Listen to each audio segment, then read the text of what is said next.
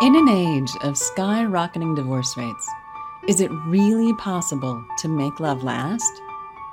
Welcome to the Falling in Love Forever show with doctors Barbara and Michael Grossman, the well known relationship experts and best selling authors of The Marriage Map book. Each week, they share the latest information to help you enjoy your romantic partnerships so you can fall in love forever. Here are your hosts, Doctors Barbara and Michael Grossman. Hi, I'm Dr. Michael Grossman. I am an anti-aging physician, and this is my wife, Dr. Barbara Grossman. Dr. Barbara is a PhD marriage, and we're the authors of The Marriage Map, The Road to Transforming Your Marriage from Ordeal to Adventure. And so tonight I'm going to interview my wife and ask her some questions. She was uh, reading some things and thought it'd be worthwhile to share with um, with uh, our community. So, uh, Barbara, tell us um, what uh, you wanted to talk about tonight and what you want to think about about the three obstacles to in forever in marriage.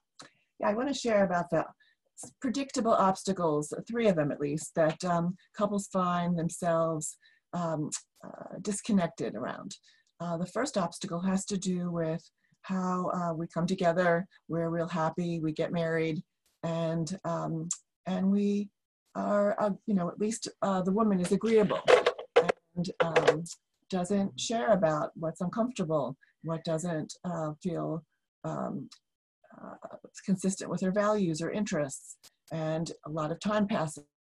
She is um, sitting on top of many, many um, feelings. And so when she starts to speak eventually after five years or 10 years, it comes out as a lot of feelings, a lot of resentment, and it's overwhelming to her man. And this is uh, a big, um, it would be much easier if you just um, talked about uh, these concerns as they come up. But most of us aren't uh, prepared to do that. We're not um, educating our family. So that's the, the first uh, challenge so, for a couple. So, so clarify uh, for the audience, what are the kind of things, the concerns that come up for women?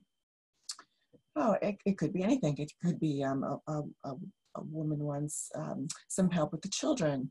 A woman doesn't like that her um, husband is working so much, or he does. She doesn't like uh, the culture of people that he, um, he that he uh, talks about or gets close to at work um, because they're not um, consistent with her idea of model character, or perhaps uh, her husband is uh, too close to his mother or um, or he plays baseball or goes plays golf too many hours on the weekend. It could be anything, but it and it and none of these subjects or concerns are in, in and of themselves are overwhelming.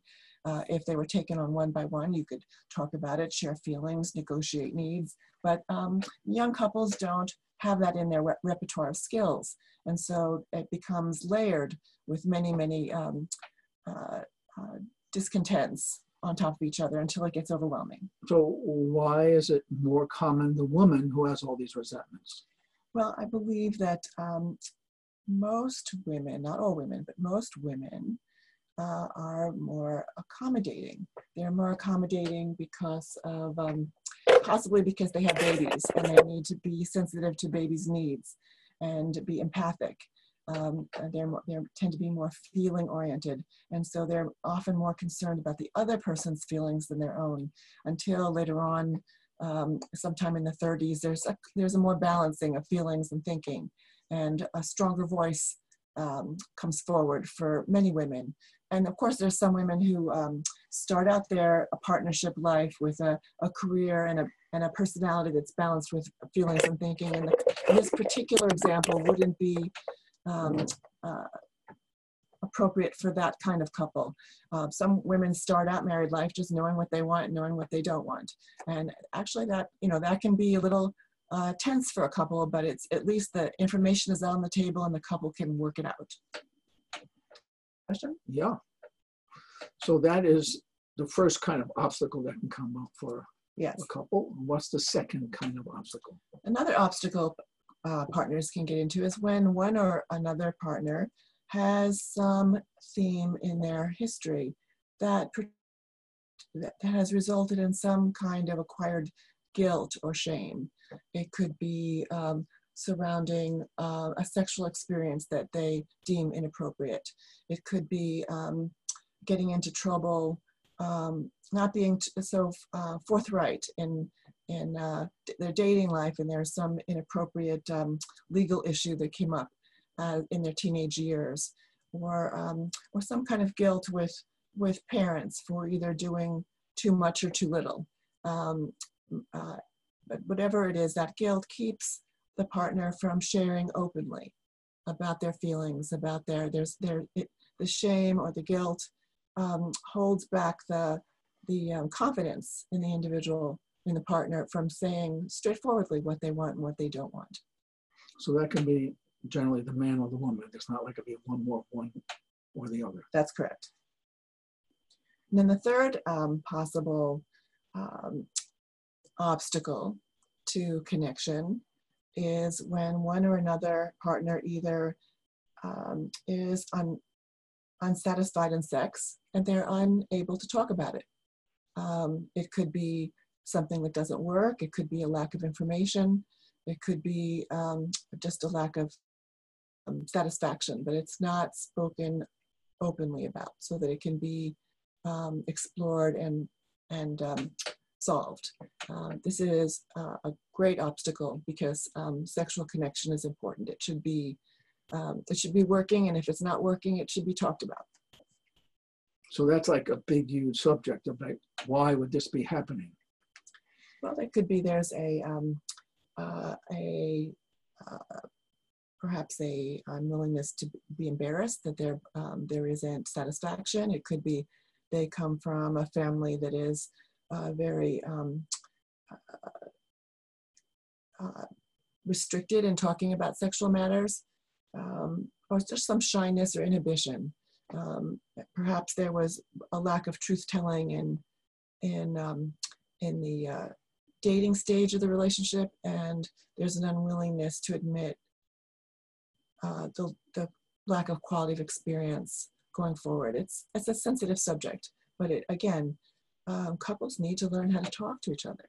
It is a key part in solving problems, and it's a key it's key in getting to know each other and um, exploring each other's personalities and finding forgiveness and finding uh, deeper and deeper connection.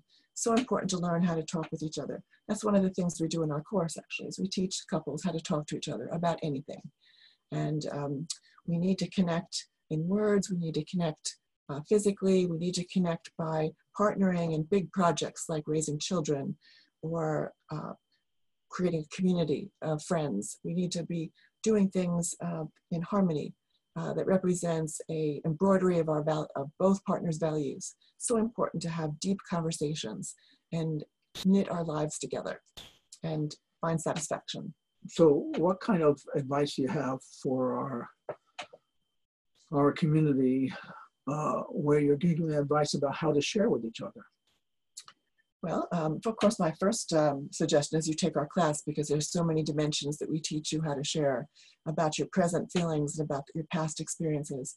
But you can always start uh, by saying, you know, I don't know how to say this, but I really want to share. And you just start talking about how you feel and what you want. And the important thing is to say it from a centered place. Um, uh, think about your think about your from a kind of reflective place, a um, calm place where you're just sharing how what's so for you. You're not blaming, you're not complaining. There's not a whole lot of energy behind your words. A lot of times when we're holding back something for a long time, there's so much energy holding it back that by the time we start talking, it comes out in an explosion that we didn't intend, and it offsets the possibility of your partner hearing you. So it's it's important to settle yourself down and think about what it is you want to share and, and how much you love the person um, that you're married to and how important it is for them to understand you. And what you want them to understand about you is so and so and it's calm. That makes it easy to listen to. So it's very important that when you want to have an important discussion make an appointment. Schedule a time when you and your partner have time to sit down and listen. And you don't have to have an hour five minutes, 10 minutes. That's it. So, kind of a time. And we do encourage you to take our classes. You can uh, look on our website, themarriagemap.com, and look at what we have available for courses and classes. We're happy to have you be a part of that. You'll learn lots of great skills to fall in love forever and to deal with these kind of issues that Dr. Barbara's described. So it's a pleasure to spend some time with you all. We look forward to speaking to you again. In the meantime, have a great, a great week and a great time together. Thanks so much. Wishing you love. Thank you for watching the Falling in Love Forever show with doctors Barbara and Michael Grossman. Join us next week for another informative discussion to help you keep your love alive. Be sure to visit us at themarriagemap.com or find out about our relationship classes at fallinginloveforever.com.